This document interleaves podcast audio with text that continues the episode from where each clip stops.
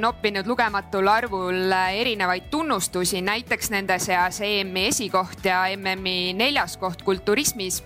aga lisaks sellele on ta siis ka veel ettevõtja, ta on toitumisspetsialist ja jah, on seda kõike teinud juba ligi kakskümmend aastat ning äh, palume siis lavale Oti ja nagu öeldud, Ott on juba siin selja taga et pärast siis jääb aega veel äh, rääkida nii Oti kui ka Raivoga mõlemaga, aga aitäh ja lava on sinu. ja suured tänud sisse juhatamast, tervitus ka minu poolt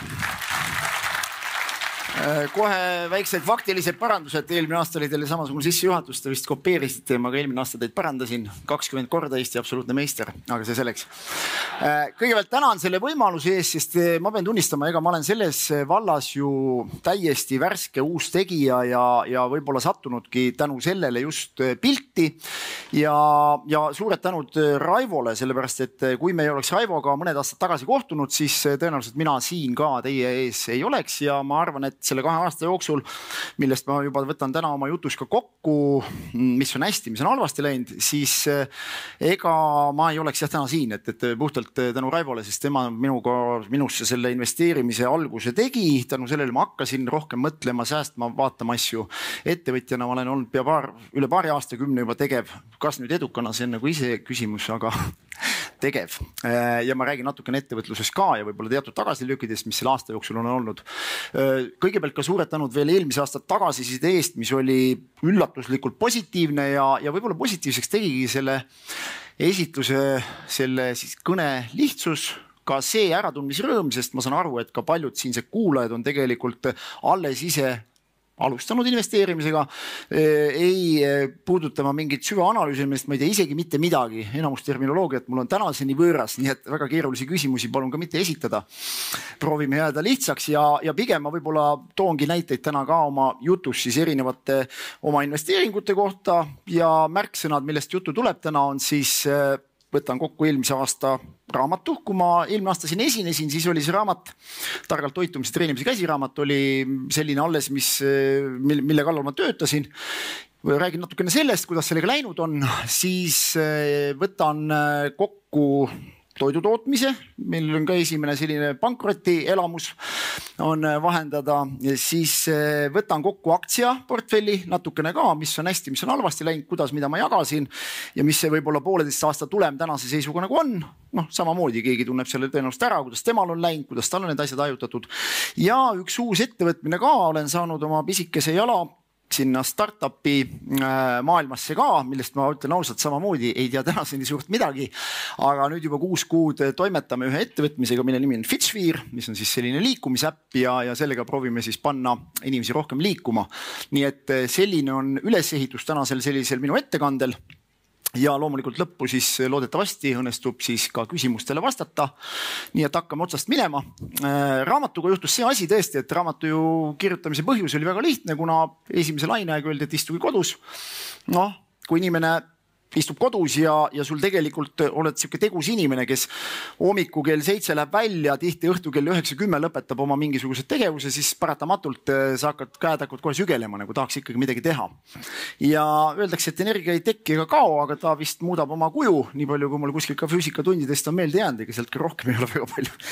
siis äh, hakkasidki mõtted käima, et kirjutaks selle raamatu, paneks oma teadmised, mis siis spordis olles noh, spordis juba tänase seisuga esimese spordi, spordi siis kogemusest meenub pea nelikümmend aastat juba, kus ma mäletan, kus ma osalesin võistlustel, nii et, et selles mõttes on aeg on ruttu läinud ja, ja üllatavalt edukaks kujunes tegelikult raamat, sest eelmise aasta Apollo raamatumüügi topis kahekümne esimene koht ja sinna ei kindlasti numbritesse ei läinud sisse see, et kuskil viissada raamatut ma müüsin läbi oma veebipoe, mille ma siis ka kogemata kohe sinna juurde tekitasin, saades aru, et kasulikum on ise müüa, kui anda siis vaata et pool tulust kohe edasimüüjale ära, nii et see võib-olla sundis mind ennast ka oma kodulehte arendama, veebipoodi külge panema tegema sinna ja, ja seega tegelikult päris korralikku tulu nagu otse, otse taskusse võtma äh,. siis edasi, kui võtame ettevõtluse koha pealt, nagu ma ütlesin, et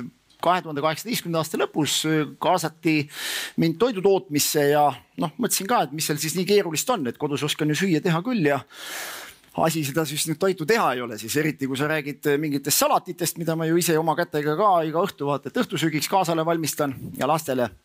ja, ja mõtlesingi, et mis seal ikka, lööme käed, tuli investor, tuli ühelt poolt inimene, kes ütles, et mina teen kakskümmend neli tundi hommikust õhtuni, lükkan selle värgi käima.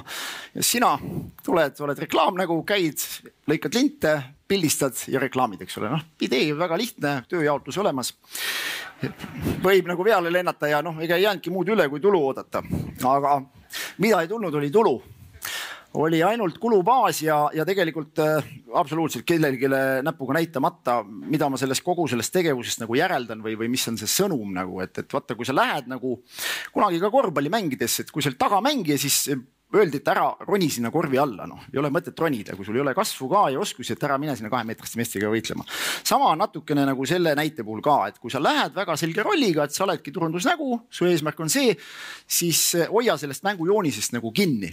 aga mis juhtus minuga, ma nagu tagamängijast muutusin tsentriks, siis ma olin vahepeal ka treener, siis ma olin massöör, kuni lõpuks oli ka, kui publik oli saalist läinud, ma olin koristaja ka nagu, et see oli see nagu, nagu see õppetund, mida ma sealt sain, et, et, et see kaotus ka nüüd, ma ei räägi rahalisest kaotusest, vähemalt viiekohalisest numbrist ja mitte ühega algavast.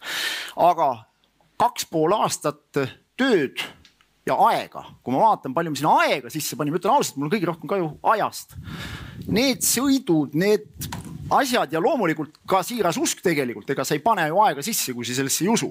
uskusid kuni viimase minutini, aga noh, päeva lõpus äh, öeldakse ikka, et äh, parem kiire lõpp kui lõputu õudus, on vist sihuke ütelus ka olemas.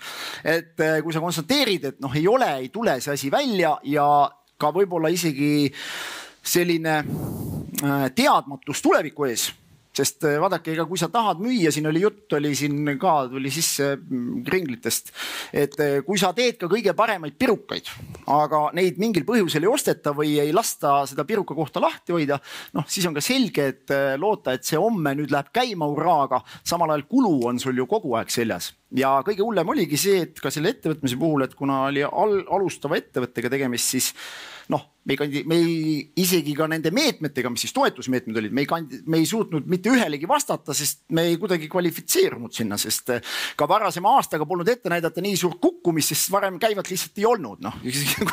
mida sa siis näitad, kui seal ei ole, eks ole, nii et see oli hästi kõva kogemus ja kui te küsite, mida ma sealt õppisin, sellest kogemusest, spordis on ka üks oluline asi on pea üleolev võit ei õpeta sind väga palju. Õpetab see, kui vits käib tagumiku peale ära.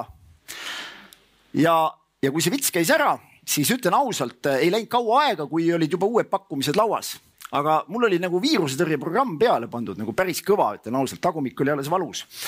ja sellele tänu ütlen ausalt, ma vähemalt enda arvates sõlmisin uue ettevõttega juba palju targemad kokkulepped, millest ma ka nüüd julgen öelda, pool aastat hiljem olen väga rangelt nüüd varasemale kogemusele tuginedes liini kinni hoidnud kui sa lähed sinna kindlate ülesannetega, ära muutu jälle koristajaks, massööriks, mis iganes selleks.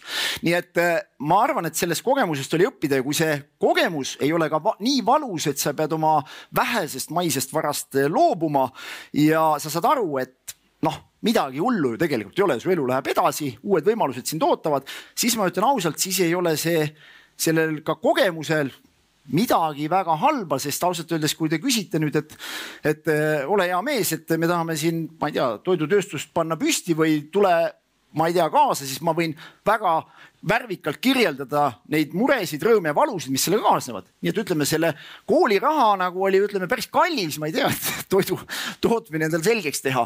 aga, aga täna on see teadmine ka olemas ja ma ütlen ausalt, ma suhtun palju suurema lugupidamisega kõiki sellesse, mida ma poodi minnes toiduletis näen, sest mul on selgelt tuleb pilt ette, kui ma näen seal salatit või ma näen seal mingisugust võileiba, siis mul tuleb täpselt ette keegi, kes selle võileiva tegi, palju ta selleks rassis, keegi, kes muretses sinna tooraine, keegi, kes mõtles läbi, miks see võileib just selline välja näeb, miks tal on selline pakend. et äh, see kogemus ja teadmine paneb palju sügavamalt lugu pidama tegelikult täna neisse, kes toitu toodavad. ja muidugi toidutootjana ka tean, et, et tõesti see toidu raiskamise probleem, mis sinna kaasneb noh, ma ei kujuta ette, kuidas toiduga üks kõige suurem jama ongi, vaadake, raamat võib sul seista ja ta seisabki kodus kapis ja võib järgmised sada aastat seal seista tõenäoliselt ja ta ei lähe halvaks kui ta on normaalsetes tingimustes. toiduga pagan on see asi, et üks vale arvestus, üks vale otsus ja kõik, see on halb homme ja see kadu ja kaos, mis sellega kaasneb, on nagu nii palju jõhker, et äh, kui siin on toidutootjaid veel meie seas, kellel see kogemus on, siis jõudu teile. ma imestan teie vastupidavust, kui te olete pidanud kauem seal vastu kui kaks pool aastat, siis igal juhul äh, lugupidamine teie suhtes mis siis, mis siis veel, aktsiaportfellidest lubasin rääkida ka. ma eelmine aasta tegin kaks kontot, ühe tegin siis oma eraisikuse nii-öelda, tegin siis nii Tallinna börsi aktsiate baasilt kui ka siis USA börsilt erinevaid siis aktsiaid. Ja teise tegin siis ettevõtte konto alt ja kuna meil on ühine ettevõte kaasaga, siis ütleme, tema on natukene konservatiivsem, siis ütles, et ei teate, ärme hakkame siin igasuguseid elektriautosid, jumal teab, mis mudru kokku ostma, vaktsiine. teeme Tallinna börsi pealt ja las see olla nii. Ja hoidsime sellest mängujoonisest väga hästi kinni. Ja millised olid tulemused äh, nüüd aasta lõikes? selge, et tänane aasta seis on natuke teine, aga ma jõuan ka sinna. Seis oli sihuke, et aasta lõpuks oli see siis segaportfell oli circa seitsekümmend protsenti plussis kenasti Tallinna börsi oma üllatavalt nelikümmend, nelikümmend viis äkki umbes ütlen suurusjärgu. noh, ma usun ka, et see, mis Tallinna börsil viimase aastaga on toimunud, et vaevalt, et keegi ka tark oskas seda ette ennustada, milline möll siin lahti läheb ja et võib-olla isegi, et see tootlikkus võib olla parem kui kuskil mujal. kui, kui õigetesse kohtadesse, kes ära tabas, mis siis lendu nagu läks ja loomulikult tagasilöök tuli võib-olla aasta algul, kus sellest seitsmekümnest kadus null, kadus tagant ära. portfell oli seitse protsenti, siin kuskil äkki oli, ma pakun veebruaris või, oli plussis, aga ma ütlen ausalt, et ma rahustasin ennast sellega, et ma ei ole mitte midagi kaotanud. noh, kui sa oled seitse protsenti ikka plussis, siis saad aru ju tegelikult, et see oma raha on sul ju igal juhul olemas ja seda, et tõesti, et seal seda nulli taga ei ole, mitte et ma oleks õnnelik olnud, aga ma sain aru, et ega ma midagi ju kaotanud ka ei ole. ja rahulikult hoidsin positsioone ütlen ausalt, ei hakanud tõmblema, ei hakanud midagi maha müüma. mõtlesin ka, et küll see päike jälle pilve tagant välja tuleb ja nagu viimased paar kuud on näidanud, ongi tulnud, et see circa viiskümmend protsenti äkki on nüüd tagasi tiksunud selle paari kuuga. mis tähendab seda, et või siit see oskus kaasa võtta, et ära rabista. ja kui sul ei ole sõna otseses mõttes seda raha homme vaja taskus omada, no siis tegelikult ei juhtugi mitte midagi nagu, et äh, see oli see kogemus. ja Tallinna börsi oma on üllatavalt äh, isegi parema tootlikkusega, kui tänast seisu võrrelda on, portfell on paremas seisus kui siis see segaportfell, mis sai tehtud aga ma pigem näen kasvutendentsi täna selles teises, sest nii mõnedki asjad on olnud oluliselt kõrgematel nii-öelda hindadega kui täna, nii et ma näen, et see taastumine võiks lähiajal toimuda. Ma kindlasti ei ole saanud sel aastal panustada nii palju igakuiselt juurde, kui ma tahaks. Sellel on lihtne põhjus, et ma aasta tagasi alustasin enda sellist väikest koolitus- ja puhkemaja ehitust. Ja noh kes nüüd teab, mis siis sellel aastal ju enamus on vist kursis, mis ehitusel toimub, kes siin vehitavad, tunnen kaasa äh,. Raivole eriti veel ka, kellel on siin tagasihoidlikult nii mõnigi ehitus pooleli, aga, aga põhimõtteliselt jah, et, et äh, kui eelarve on korda kaks kogemata planeerituna, siis pigem olen pidanud teatud vahendeid sealt alt vabastama, aga, aga ma olen selles mõttes positiivselt meelestatud, et see äh, nii-öelda ehitus saab ka loodetavasti lähinädalatel ühele poole ja, ja see meeletu kulubaas sealt kaob ära ja ma saan rahulikult tagasi tulla siis jälle igakuise siis investeeringute juurde panustades ja kuhu ma siis see aasta veel olen läinud, on siis esimesed sammud krüptomaailmas. no Pole salata, et kui sa nagu treenerite ruumis Sparta spordiklubis, kus ma toimetan, noh, öeldakse alati, et kui taksojuhid juba räägivad investeerimisest, siis on viimane aeg vist müüa või kuidas see ütelus oli, eks ole.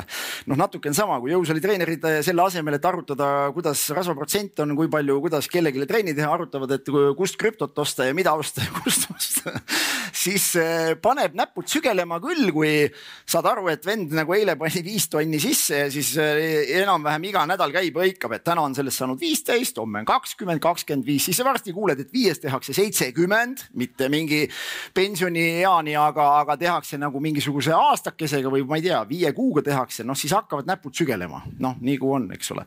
ja siis ma mõtlesin ka, et mis seal ikka, et eh, paneme ka siis vitsad vette ja õnged vette ja vaatame, mis siis tuleb, noh. see oli kuskil veebruarikuus, ma julgen öelda, tegin esimesed ostud, absoluutselt ei adunud, mida, kust, mis asja, natukene öeldi, kuuled, et seda või teist, aga peab tunnistama, ma mõtlesin ka, et ma panen sellise raha mängu, millest ilma jäädes nagu mitte midagi ei ole. noh, siis on alati kõige parem mängida ka, et, et kui sa ei pane oma toiduraha mängu ja saad aru, et, et homme on asjad on makstud ja saad toimetada ja tegelikkuses ei läinud kaua aega, kui korda kaks oli nagu konto peal, noh ja, ja jutt on ikkagi see, et ma panin, ütleme siukse viiekohalise panin alla, ma mõtlesin, et ohoh, et nagu päris kenasti peksab peale, palju lõbusamalt kui see aktsiaturul nagu. see rõõm oli nagu päris suur ausalt öeldes esimese hooga, rõhksõnal esimese hooga. kuni siis eh, selline korralik raputus, mis siis pihta hakkas nüüd äh, järgmistel kuudel ja ma pean tunnistama, et mu arvamus ka selles krüptomaailmas selgelt on löönud tänase seisuga natukene kõikuma ikkagi, et ega niisugust meeletut optimismi ma millegipärast enam ei kuule. Äh, ja aga kui te küsite ka, et kas ma peaks hirmsasti muretsema, nagu ma ütlesin, kuna ma mängin jälle sellise rahaga, millest ilma jäädes ma saan aru, et noh, okei okay, kui ma võidan, on tore, kui ei, ei juhtu jälle midagi, siis ma rahulikult hoian positsioone, ma ei ole täna, kuigi peaks tunnistama, võiks võib-olla isegi juurde osta, sest hinnad on täna päris soodsad turul. vähemalt vaadates, mis nad vahepeal olnud on, et seal on kasvupotentsiaali küll, aga kas see tuleb, see on iseasi. Ja ma saangi aru, et see, kuna see turg on suhteliselt volatiivne, et seal ei tea, keegi teeb homme suu lahti, hõikab ja siis on jälle pool on kadunud sul pärast. Siis on nagu päris hull on nagu toimetada tegelikult, et ma ei tea, kuidas seal inimestel on, et kui rohud on jäänud võtmata, siis tuleb jälle hoog peale, siis sa jälle hõikad midagi. et eh, selles mõttes ma olen täna natukene aktsiausku nagu tagasi jälle, et, et eh, ma saan aru, et seal ei ole nii, et täna keegi hõikab ja homme küll tõenäoliselt on analüütikute, kui noh, ma, mul ei ole väga palju aega süveneda, aga ikkagi loed, et kui mingi analüütik paneb hinnasildi sinna, siis näed jälle, et oot-oot vaatad, et miks need asjad täna jälle üles lähevad, keegi hõikas, eks ole, et minu arvates see hind on sihuke, eks ole. no aga ta ei kõigu nii palju, nii et tegelikult ma hoian neid portfelle jätkuvalt tõenäoliselt esimese hooga pigem panustan aktsiatesse juurde, sest äh, see on selgelt aastaga, ma olen saanud tulu, ma olen täna teinud ka seda, et reaalselt mõtlengi, okei okay,, ma ei taha enam näha ainult neid numbreid oma konto peal, aga ma võtan vahepeal näpuotsaga kasumit ka välja, et oleks tunne, et reaalselt ma teenisin ka midagi. ja pigem selle jaoks ka, et kui tuleb soodne midagi juurde osta, ma saan selle eest juurde osta uuesti, nii et ütleme sellise väikese, ma ei oska nüüd öelda, kas seda tarkuseks võib nimetada, aga teadmised äh, olen ma täna saanud ja ma olen väga rahul sellega, et ma sellega siis nüüd poolteist aastat tagasi esimesed ostud, kui ma tegin, alustasin. noh, alati võid ju küsida ka, et noh, võiks ju kahetseda, et oleks võinud ju varem teha, aga samal ajal, kui me siin rääkisime ka sellest, et inimene elab üha kauem, siis noh nähes eile ka hommikul trennis äh, mehi, ma läksin juurde, küsisin, et noh, et härrad, et mis siis ka härra vanust on siis nagu hommikul, noh, sa saad aru, et ei, ei ole nagu noor poiss, eks ole. Noh, kaheksakümmend seitse, ma enda arust valisin nagu kõige vanema mehe saalis välja, ta ütles, et aga need on siin kahekümne üheksanda aasta poisid, kes siin toimetavad, need kaks tükki. ma ütlesin, et ohoh ja siis meil oligi, Raivoga arutasime, mõtlesime täitsa lõpp, et noh, sa mõtled ka, et sa oled siin juba ka nagu natuke juba ringi vantsinud ja teinud midagi ja siis mõtled, et kuule, siin on nagu pool on nagu minna või noh, minul vähemalt loodetavasti küll ja, ja, ja kui sa saad teises pooles veel lõpus saad nagu trenni veel minna hommikul, noh, ma küsingi, et siis ongi selle, mille nimel nagu elada tegelikkuses ausalt öeldes. ja see, ma arvan, just see tegevusvabadus, mis sinna juurde kaasneb, et et sa ei pea, ma arvan, kogu asi, mina ei ole ju kaugelt rikas inimene, võib-olla hingelt, kui siis aga mida ma nagu naudin, noh, selles mõttes, et vaata raha, see rikkus ongi see, et, et üks mees on miljonär ja ütleb, et tal on ikka vähe, eks ole, teine inimene ütleb, et tal on see onn, kus ta elab ja, ja tunneb ennast rikkana, eks ole, see on alati selline suhteline. kui suur on su elatusstandard ja millised on su ootused, aga, aga ma arvan, ma olen jõudnud ka oma mingisuguse mentaalse ja materiaalse oluga sinna, et ma naudingi nagu seda ka, et mitte, et ma ei peaks mõtlema nüüd hinnasildile, kui sul on küljes ja saad endale lubada, ei, sellest on asi veel kaugel, väga kaugel, võiks öelda. aga teatud tegevusvabadus tekib, et ma ei pea nagu igat pakkumist vastu võtma ja ma just olengi õnnelik, meil oli ka jutt sellest, et iga inimene võiks nagu teha seda, mida ta tahab ja ma olen jõudnud nagu sinna, et ma ei pea nagu vägisi esiteks võtma esimesi pakkumisi vastu, mis tulevad. ma ei pea kellegiga koos tegema asju, isegi siis, kui mulle ei meeldi, ma saan valida. ja, ja mu ümber on hästi palju selliseid ägedaid inimesi, kellelt ma pidevalt midagi õpin see näide oligi, et ka personaaltreeneri töös, kui sa hommikul ütleme, kui ma lähen Raivoga trenni, annan trenni, ega siis ütlen ausalt, see trenn on seal tore seal taustal, aga samal ajal räägime, kuidas aktsiaasjad on, mingisugused investeeringud, mingid asjad. ma lähen ära, mõtlen pagan küll, et ma sain jälle grammi targemaks või mingeid mõtteid või kuidas või mis, et isegi kui ma seda ise homme ei tee või kohe ei korda, siis vähemalt ma tunnen, et see on nagu sisustatud aeg, sellel ajal on mingi väärtus nagu.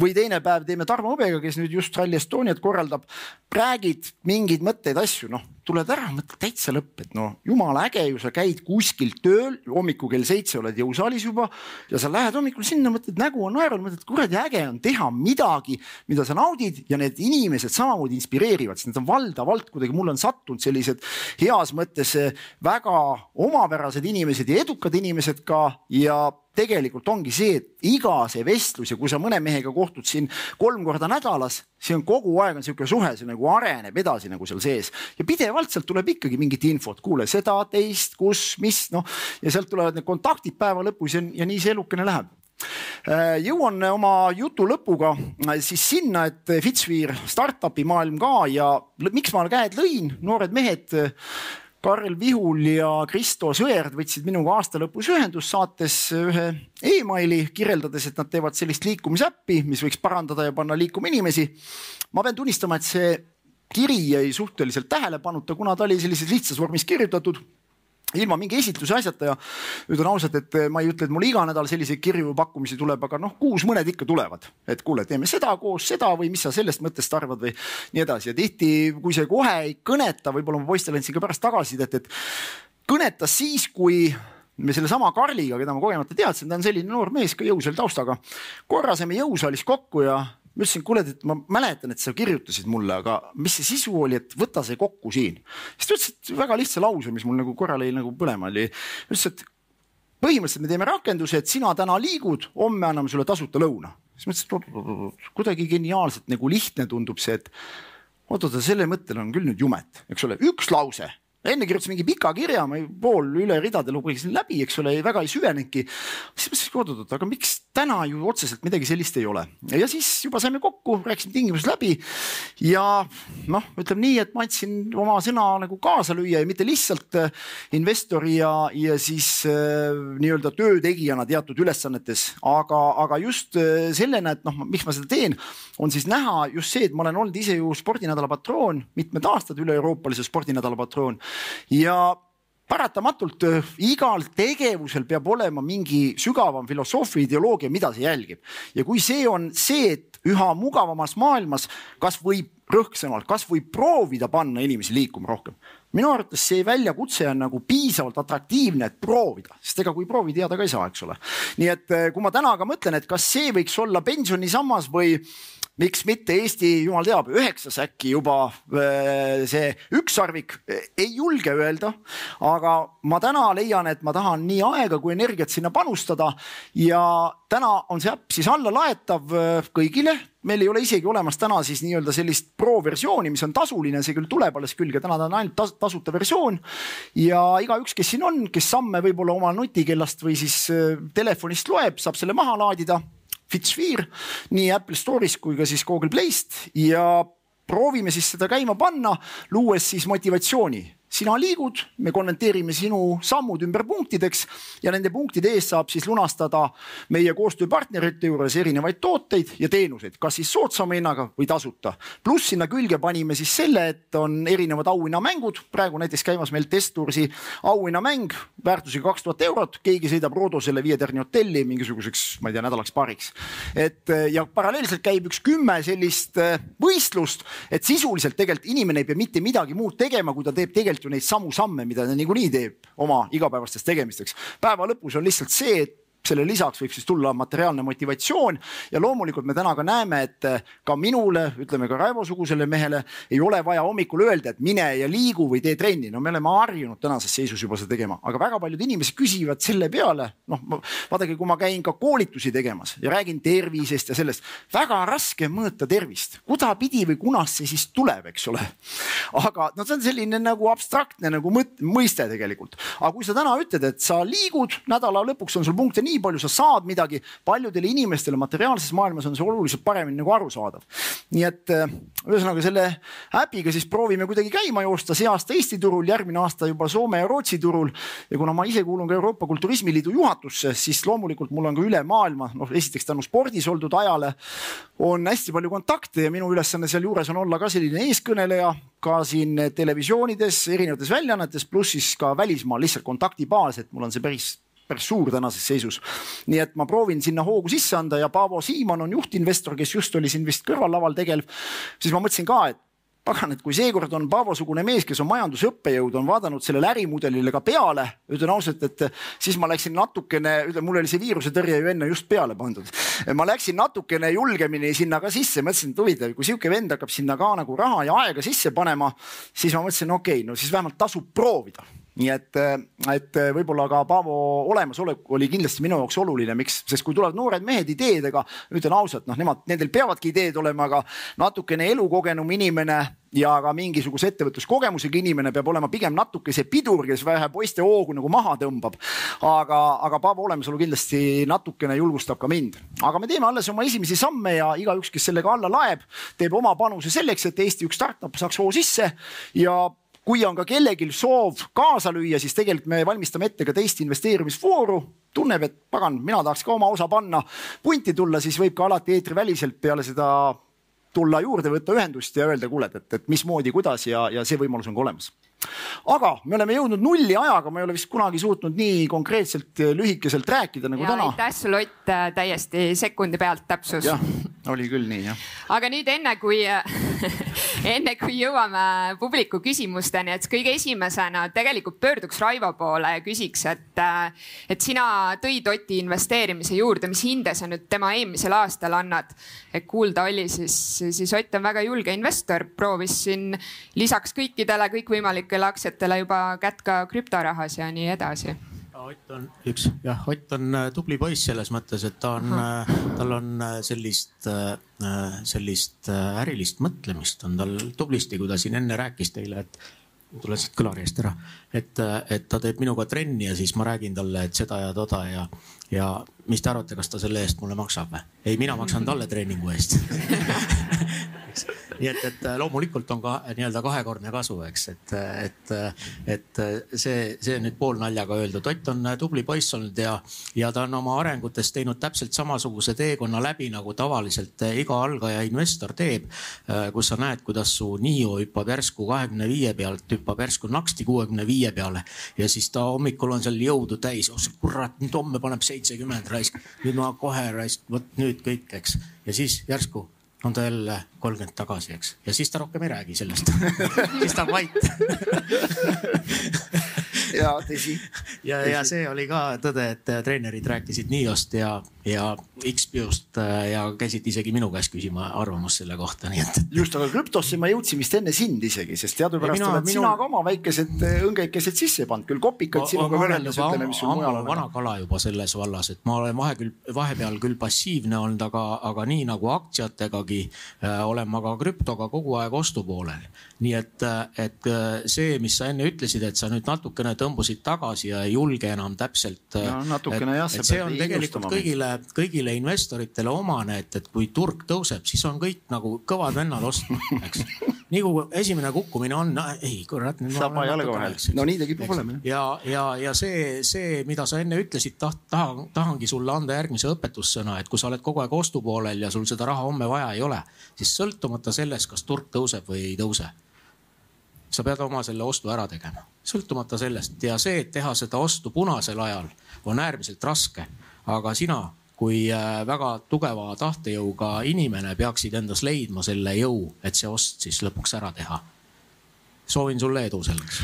aitäh, Raivo ja nagu näete, me saime lõpuks Raivo käest ka informatsiooni kätte. tänu sellele esitlusele tulid hoopis konkreetsem jutt hakkas tulema, eks ole, olete minuga nõus? No aga nüüd, kuna teil see suhe kahepoolne on, küsin kiiresti ära, mis sinna Raivo treeninguvorm saab? noh, te ise nägite juba ja varsti ajate juba sassi, on siin Raivo või mina siin, et ega Nii, siin ei olegi midagi. jah, ma arvan, et teeme aplausi pigem Raivole selle vormi eest. Kahe aastaga, kaks aastat.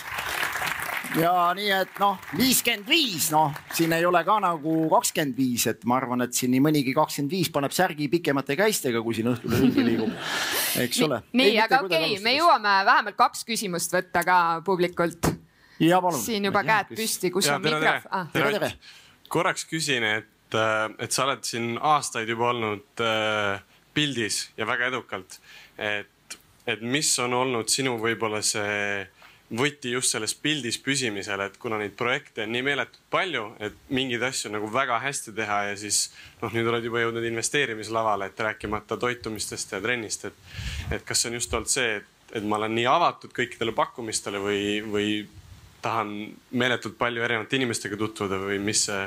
hea küsimus, aitäh. Äh, siin on see asi, ma arvan, üks asi, meediaga suhtlus ja meediaga nagu, ega mind ei ole keegi õpetanud, ma olen ise sellega nagu koos kahe aastakümne või rohkemaga kasvanud ja seal on üks väga selge reegel, et äh, ma ei tea, kas on olnud meediaväljaanne, kus ma olen totaalselt äh, ütleme siis kommentaarid või ükskõik, on need head või halvad asjad olnud, et ma olen nagu ära öelnud, et ei, ma ei anna teile või ma distantseerin või ma ei suhtle avalikkusega, mida me tihti ju täna näeme. ja kõige pullim on see, et lugu tuleb ikka lugu tehakse just niikuinii. see, et ma ütlen, mina ei mängi, mäng käib edasi, saad aru, lihtsalt sulle visatakse veel rohkem või lüüakse veel rohkem väravaid. et äh, siin on see asi, et ükskõik kui hästi või halvasti asjad on, võtke mingi seisukoht, andke mingi kommentaar, võib-olla isegi täiesti lakooniline. aga mida te sellega võidate, on see, et kui järgmine kord on vaja ja sa saadki millegagi hakkama, on vaja kommentaari või lugu. no minuga oli lihtne lugu see, miks spordis tuldi. ütlesid, et kurat, meil ei ole mõtet, ütleme tol ajal isegi kui see Veerpalu tõsteti, et me ei saa, me ei saa nagu sealt juttu kätte, noh, lühilaused, ei ja noh, ei tea, no, no, no saad aru, eks ole. öeldi, me tuleme sinu juurde ühe küsimusega, ta sai kaks lehekülge teksti, tal oli lugu tehtud ja ta sai koju minna Delfis tulid ükskord tulid tegema lugu, nad planeerisid tund aega. kümne minutiga oli lugu tehtud, videod tehtud, surusime kätt, ütlesin, et lähme laiali. ta ütles täitsa lõppes, sihukest asja pole nagu enne näinud. ma ütlesin, aga mida me raiskame üksteise aega. sisu niikuinii tuleb, eks ole, mida kiiremini me saame selle tehtud, mida konkreetsem, seda parem. et ma arvan, et see on olnud see pluss et kui midagi on, siis tullakse ja teatakse, et sealt midagi igal juhul saab. ja nüüd minu oskus pigem on olnud see, et kuidas ma seda heas mõttes ka ära kasutan. üks asi on nagu olla igal pool, tegelikult ütlen ausalt, see ei ole eesmärk. on palju väljaandeid või kohti, kus ma tegelikult mõtlen, on mul seda vaja, aga siis ma korra lasen läbi, et kuule, oot-oot-oot, aga seal ma saan ju rääkida sellest asjast või meil on see projekt pooleli või ma päeva lõpus keeran need enda kasuks ja see on võib-olla see, mille, mida võib-olla kellelgi tasuks õppida siit, et kuidas siis nii-öelda ka, kui see edu, isegi kui me seda ei soovi, kaasneb, võib-olla kuidas seda heas mõttes ka vastastikku nagu ära kasutada. nii. okei okay,, võtame ühe veel. Simbol. tere, Ott, tänan toreda ettekande eest. küsimus aga järgmine, et kas spordis on midagi, mis aitab saada paremaks investoriks? kas on seal mingid tegevused, põhimõtted, mis aitavad saavutada paremaid investeerimistulemusi? Äh, tere Mikk kõigepealt ka äh, ma julgen öelda, et on, üks asi on kindlasti ikkagi see järjepidevus mis, mis ma arvan, on investeerimis kõige olulisem. seda, et keegi täna ostis, nagu ka Raivo ütles, et ja homme müüs ja siis hoiab, et, et teades tema distsipliini samamoodi iga kuu kindlal ajal. mul ei ole isegi mõtet küsida, et kas sa ostsid justkui soodsa hinnaga, sest ta ütles, et pikas perspektiivis on iga hind soodne, millega sa täna ostad. noh, muidugi eeldusel, et päris kurba lõppu ei tule ühegi aktsial, eks ole. et siis ei ole mõtet arutada tõesti kolme päeva või kuu lõikes võib-olla tõesti vaatan, et läks alla hoopis, aga kui sa vaatad kolme aasta pärast, vaatad, et kuule, pluss on ju kena. et ma arvan, sportlase puhul eelkõige on distsipliin üks asi, et seesama, kui ma hakkasin tegema iga kuu sinna pensioni, kusjuures kolmanda samba ma tegin ka eelmise aasta alguses, mul ei olnud ei teist sammast polnud olemaski, ma enda arust, kui ma spordiga tegelesin ja ettevõtja olin, noh, ütlesingi, et ettevõtlus, see ongi mu pensionisammas ja umbes, et küll ma sinna panustan ja küll see üks päev läheb. kuni siis ükskord müüsin ka ettevõtte juba ära, noh, ühega lõpetasid tegevuse, loomulikult täna on koolitamise asi, mis on suhteliselt äh, hästi tegutsev ja kasumlik tegevus minu jaoks. aga sisuliselt jah, et ma arvan, et distsipliin on üks asi, mis võiks nagu hoida seda hooba. ma ei julge öelda, et sport aitab teha targemaid otsuseid investeerimismaailmas, kindlasti mitte et äh, ma arvan, et inimene, kellel on võib-olla äh, aega rohkem süveneda ja panustada, teeb, aga täna vaadates ka neid tarku ju ka kogenud investoreid, tihti turuseis on selline, et selgub, et vend, kellel, kes eile hakkas, suutis mingeid oste või hinnanguid või mingeid otsuseid teha ma ei tea, ninatunde järgi paremini kui siis inimesel, kes ana graafikuid analüüsib kogu aeg ja vaatab peale, ütleb, ma ei saa aru, mis toimub, noh, siis ei ole nagu sellest abi. mitte kuidagi alahinnates, mina ka ei jaga neid asju, ma ei vaata väga palju, ütleme igasuguseid analüütilisi tabeleid, liiga keerulised minu jaoks. aga noh, mingi ninatunne, natukene mingisugust asja ja noh, kuidagi ja hajutamine ka, nagu ütlesid, mul on ka täna on mingid eraisiku laenudes mingid asjad, mingid asjad on kinnisvara nendel ühisrahastusplatvormidel, mingid asjad on aktsiates, mingid asjad on krüptos ja ongi see, et kui üks ei liigu, ütlen ausalt, ei morjenda, teine läheb üles. sealt tuleb ikka, kuskilt tuleb ikka, et ma arvan, see ongi see ka sõnum ikkagi, et ma tõstan suhteliselt laiali, ma ei ütle nüüd, et veel omakorda hullult killustatult laiali, aga ma arvan, et see oleks jah, sihukene väikene minupoolne ka soovitus siia lõppu nagu, aga aitäh selle võimaluse eest. ja aitäh küsimuste eest ka, et kui nüüd jäi küsimusi veel õhku, siis kindlasti liikuge siit lavalt koos Raivo ja Otiga LHV Lounge'i, mis asub seal tagumises telgis, et seal jätkub vähemalt veerandtunnine sessioon. kas meil oli raamatuid ka loosida siin kuskil või kus need välja anti? meil, ma lubasin omalt poolt viis raamatut ka ja. välja panna, targalt ja saame anda välja need muidugi. ja, aga ma isegi ei tea, millisel kujul neid peaks jagama. rahvast on siin tunduvalt rohkem kui viis. Need on kaasas sul, eks? Need ei ole kaasas, neid ma postitan, sest Aa. ma siia sõidan sõites imestasin, ohoo, raamatud jäid koju see oli aus vastus. aga leian võimaluse need, need kenasti ja, välja ja ma saadan, meil on lihtsalt oluline pärast teada, et ma ei tea, kas on need küsijad, kellele me saadame või on päeva jooksul võib-olla ka muudest ettekannetest. mõtleme välja, anname teada ka kõigile. viis raamatut minu poolt ilusti sisse kirjutatult ja kes ei taha loosiõnnele loo, lootma jääda väga kavala inimesena, nagu Raivo ütles. ja saab minna oti.ee veebipoodi ja Aha. investeerimisfestival kakskümmend üks osta selle raamatu ja samamoodi kirjutan kodus sisse, siit ära lähen, tellimused on peal, juba hakkan täitma ja esmaspäeval postitan, eks ole ju, nii et. Eh, aga aitäh. väga super, aitäh. ja suured tänud